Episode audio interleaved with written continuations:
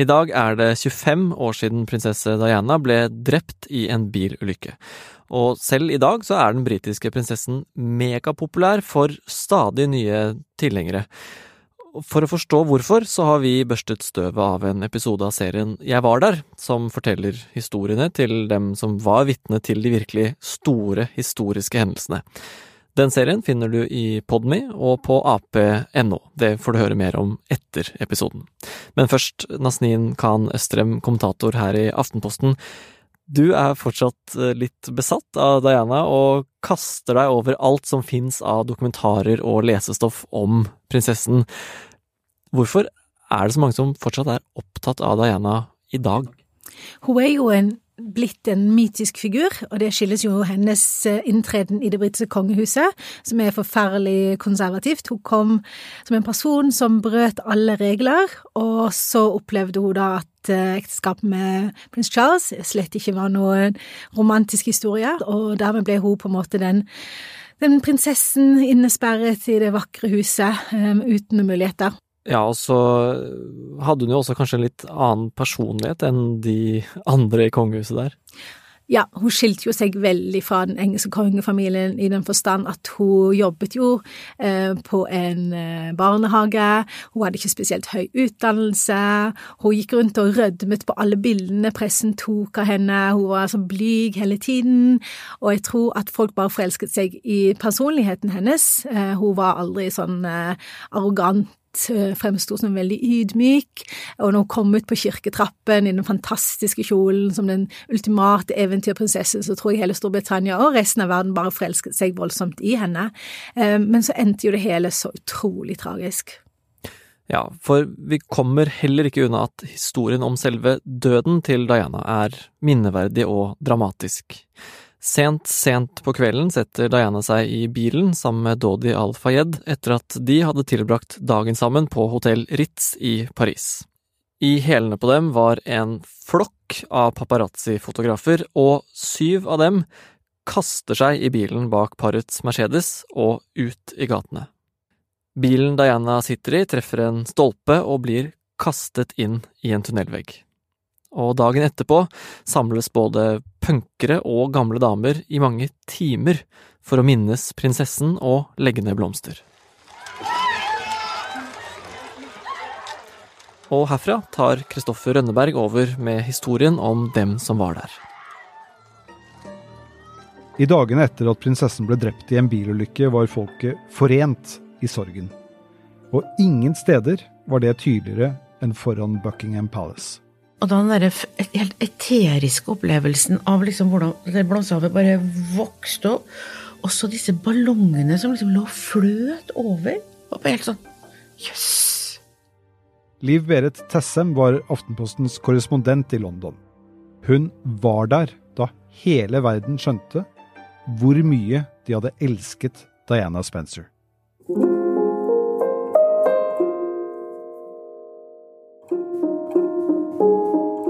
Jeg heter Kristoffer Rønneberg og er utenriksjournalist i Aftenposten.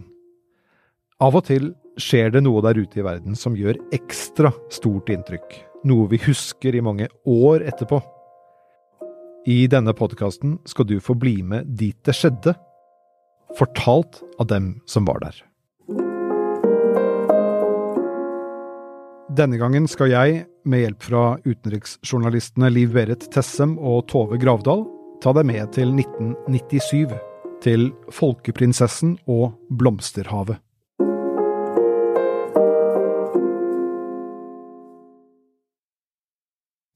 Det er eh, mange som husker hvor de var da de fikk høre om Dianas død. Det er et sånt øyeblikk på linje med terrorangrepene 11. september i USA eller 22. juli her i Norge. Det er et sånt øyeblikk som gjør at tiden stopper litt opp. Hvis du plukket opp Aftenposten søndag 31. august 1997, så kunne du se en liten stripe øverst på forsiden, og der sto det Prinsesse Diana hardt skadet i bilulykke. Ulykken hadde skjedd så sent på natten at det ikke ble tid til stort mer informasjon før søndagsavisen gikk i trykken. Men innen folk rakk å lese dette, var det blitt klart at Diana ikke bare var hardt skadet, hun var død, bare 36 år gammel. Diana, prinsessen av Wales, døde klokken fire i natt av skader hun pådro seg i en bilulykke i Paris. Også hennes nære venn Dodi al-Fayed og deres sjåfør omkom. De to skal ha blitt jaget rundt Paris av fotografer På TV kunne vi se bilder av politibiler utenfor tunnelen i Paris der Diana døde. Og etter hvert så kom det også bilder av bilvraket. Folk over hele verden var i sjokk. Og det sjokket, det gikk raskt over i en kollektiv sorg. Spesielt i London, der kisten med Diana ble fraktet dagen etterpå. Dianas død var noe som rørte mange. Bare, bare hør her på Tony Blair, som var statsminister i England akkurat da. You know how, how difficult things for her from time to time. I'm sure we can only guess at, but the people everywhere, not just here in Britain, everywhere, they kept faith with Princess Diana. They liked her, they loved her, they regarded her as one of the people. She was the people's princess. And that's how she will stay, how she will remain in our hearts and in our memories forever. Folkets prinsesse, ja. Legg merke til at Tony Blair bruker akkurat det uttrykket. Han hadde bare vært statsminister i noen måneder da Diana døde, men han klarte likevel å finne akkurat det uttrykket som oppsummerte hva mange følte om henne akkurat da. Folkets prinsesse. Men hvordan ble hun det? Diana Spencer ble født i 1961 på et slott, og hun vokste opp i en adelig familie med tette bånd til den britiske kongefamilien. Som 20-åring giftet hun seg med kronprins Charles i 1981, og hun lå altså an til å bli dronning. Diana Francis, wilt thou have this man to thy wedded husband, to live together according to God's law in the holy estate of matrimony, so long as ye both shall live? I will. Dette bryllupet ble starten på 16 turbulente år i offentligheten.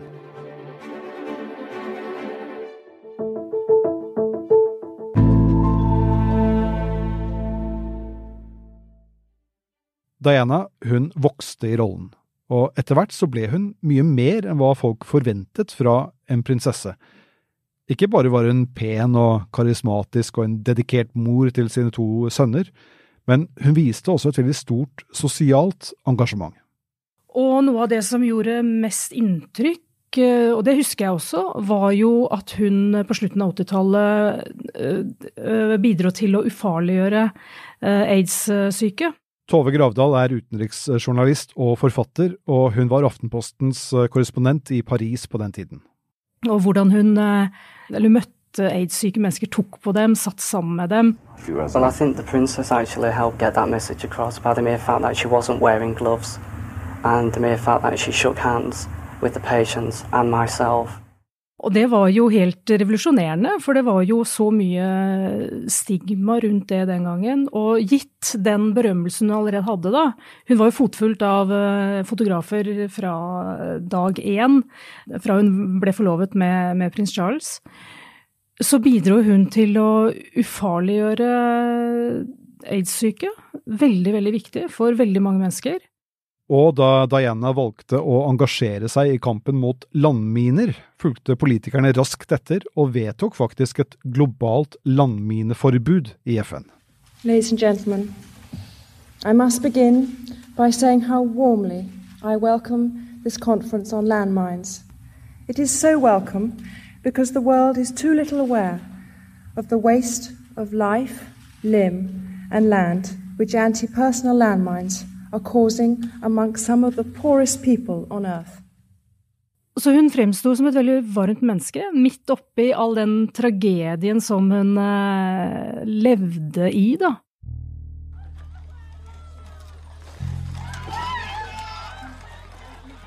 Så fort nyheten om dødsfallet begynte å spre seg i London den søndagsmorgenen, tok folk med seg blomster bort til Buckingham Palace, det ikoniske hvite slottet som ligger midt i den britiske hovedstaden.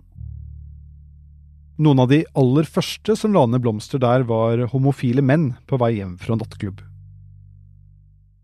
De neste dagene var Londons gater fulle av sorgtunge mennesker i alle aldre og fra alle samfunnslag.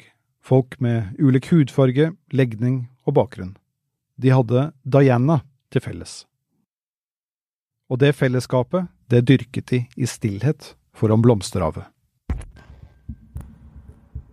Mens folk i landet blomster, forsøkte dronningen og resten av kongehuset å finne ut av hva de skulle gjøre. Dette var en helt ny situasjon, der eh, løsningen ikke sto i noen regelbok, en regelbok som for øvrig inneholdt instruksjoner for det aller meste. Dronning Elisabeth var 71 år gammel da Diana døde. Hun representerte på mange måter en tid som for lengst hadde forsvunnet, en tid med kolonivelde gammel storhet. Hele kongefamilien var vel egentlig et symbol på fortiden. Men Diana var det ikke. Hun var ung og uformell. Det motsatte av det stive og tungrodde monarkiet. Et symbol på et mer moderne kongehus. Og denne motsetningen ble veldig synlig i London i disse dagene. Mens haugen av blomster vokste og vokste utenfor Buckingham Palace, holdt dronningen seg på landstedet Balmoral i Skottland sammen med resten av kongefamilien. Der holdt de en liten gudstjeneste for Diana i kapellet på eiendommen. Mens prinsesse Diana blir ikke nevnt med et ord, og folk var jo rystet. Ja, Så da, da fikk du en skikkelig kontrast mellom følelsene som folket viste i London, og, og dronning Elisabeths mangel på, på det samme. Ja. Og litt senere i uka så ble dette ble jo bare verre og verre, og det var en veldig kjent engelsk historiker som kommenterte dette med at kongefamilien led av øh, følelsesmessig forstoppelse. Men dagen før begravelsen til Diana kom vendepunktet hvor dronning Elisabeth, som mange nå så på som kald, delvis klarte å vinne tilbake folkets sympati. Hun dukker opp foran porten til Buckingham Palace for å se på alle blomstene. Dronningen er tydelig ukomfortabel mens hun skotter bort på alle menneskene som har møtt opp. Og så eh, kommer dronningen da til en elleve år gammel pike. Og så står hun med fem røde roser, og så spør dronning Elisabeth eh, vil du at jeg skal plassere dem for deg. Og da svarer jentungen no ma'am, they are for you. Dagen etter gjør dronningen enda en ting som tar henne litt nærmere folket. Det skjer idet Dianas kiste trekkes gjennom Londons gater av seks svarte hester. Kisten er drapert i kongefamiliens flagg. Rødt, gult og blått. Flagget er kjent som The Royal Standard. På toppen av kisten hvite liljer. På vei mot katedralen Westminster Abbey passerer kisten Buckingham Palace. Og der utenfor porten, for aller første gang i en sånn setting, der står dronningen og hele kongefamilien kledt i svart. Sammen, øh, sammen med resten av folket. De er på folkets nivå. Idet kisten passerer den gamle monarken, bøyer hun hodet i respekt. I det øyeblikket gjenvinner hun mange hjerter.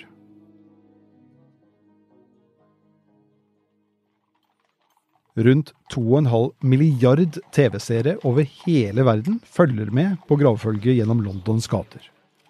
Ingen andre hendelser, verken før eller senere, har samlet flere mennesker. Og så går de til eh, katedralen, og det folk hører, er liksom bare hesteslagene mot brosteinen.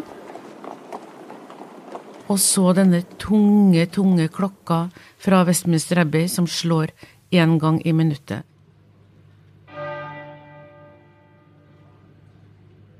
Klokken er 11. 6. september 1997 idet begravelsen begynner. I kirken sitter superkjendiser ved siden av politikere og kongelige fra hele Europa. Og mange av de som så begravelsen, både i kirken og de som så på på TV, De husker Elton Johns nye versjon av 'Candle in the Wind', der teksten er endret for å hedre Diana. Your candles burned out long before your legend ever will. Låten siger ut gjennom de åpne kirkedørene. Denne septemberdagen den er så varm at de står på vidt gap. Utenfor er det et folkehav, de følger begravelsen på storskjermer. Above all, we give thanks for the life of a woman I'm so proud to be able to call my sister. The unique, the complex, the extraordinary and irreplaceable Diana. Det neste folk husker, er talen til Charles Spencer, altså broren til Diana. Talen hans er et rasende oppgjør med både kongehus og presse. I don't think she ever understood why her genuinely good intentions were sneered at by the media, why there appeared to be a permanent quest on their behalf to bring her down. It is baffling. My own and only explanation is that genuine goodness is threatening to those at the opposite end of the moral spectrum. It is a point to remember that of all the ironies about Diana, perhaps the greatest was this. A girl given the name of the ancient goddess of hunting was, in the end, the most hunted person of the modern age. Og idet han er ferdig, så skjer det noe som vanligvis ikke skjer i en begravelse, i hvert fall ikke i Westminster Abbey. Det begynner på utsiden av kirken. Folk som ser på på storskjermene, de begynner å klappe. A moving tribute from Charles Earl Spencer. And spontaneous applause breaks out in Westminster Abbey. I've never heard that before. Og applausen sprer seg som en bølge helt fram til den store kirken, og så inn gjennom dørene. Først til de bakerste radene, og så lenger og lenger fram, rad for rad, helt til nesten alle i kirken klapper. De dagene etter at Diana døde, fortsatte folk å legge ned blomster. Til sammen 60 millioner blomster, til ære for prinsessen. Noen av dem kom til stor nytte. De friske bukettene ble gitt til sykehus rundt om i byen, og alle blomstene som lå litt lenger ned i haugen, de som hadde begynt å råtne, de ble gjort om til kompost. Og denne komposten den ble brukt i Dianas minnepark, som ligger i Kensington Gardens. Hvis du en dag besøker London, så kan du jo stikke innom og lukte på blomstene. Det er en frodig og levende park.